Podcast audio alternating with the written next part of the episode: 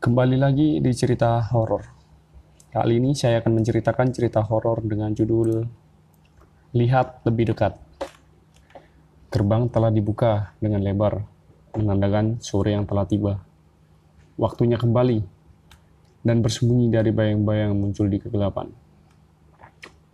Kekuatan yang ia miliki lebih besar dari rasa takut, dan kemampuanku sekarang belum cukup untuk membunuhnya. Namun, gerbang di hadapanku tak dapat kulalui. Ada batas transparan yang sekasat mata.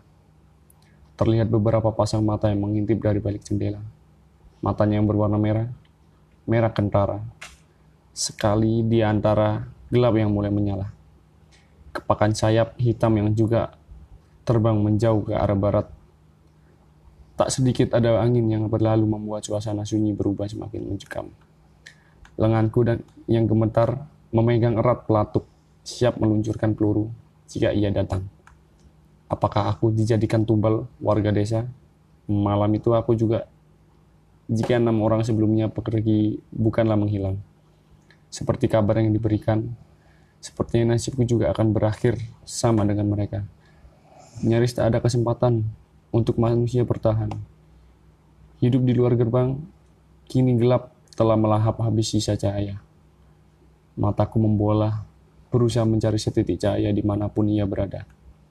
Aku mendekat pada tembok gerbang yang terlihat cahaya serupa kilat berkedip begitu cepat. Dari, dari arah jam 3, tak ada sedikit pun suara. Namun, cahaya itu berhasil mencuri perhatianku. Dengan langkah ragu aku menuju titik cahaya tersebut makin dekat sampai kilat tadinya warna putih memecar menjadi begitu banyak warna dan terlihat semakin nyata. Aku semakin merinding seperti membaca cerpen horor. Setelah itu, terlihat enam sosok tubuh yang digandung terbalik mengeliling ke arahku. Sayang, ketika senyuman itu bertemu pandanganku, aku tak ingat sedikit pun apa yang sedang terjadi setelahnya.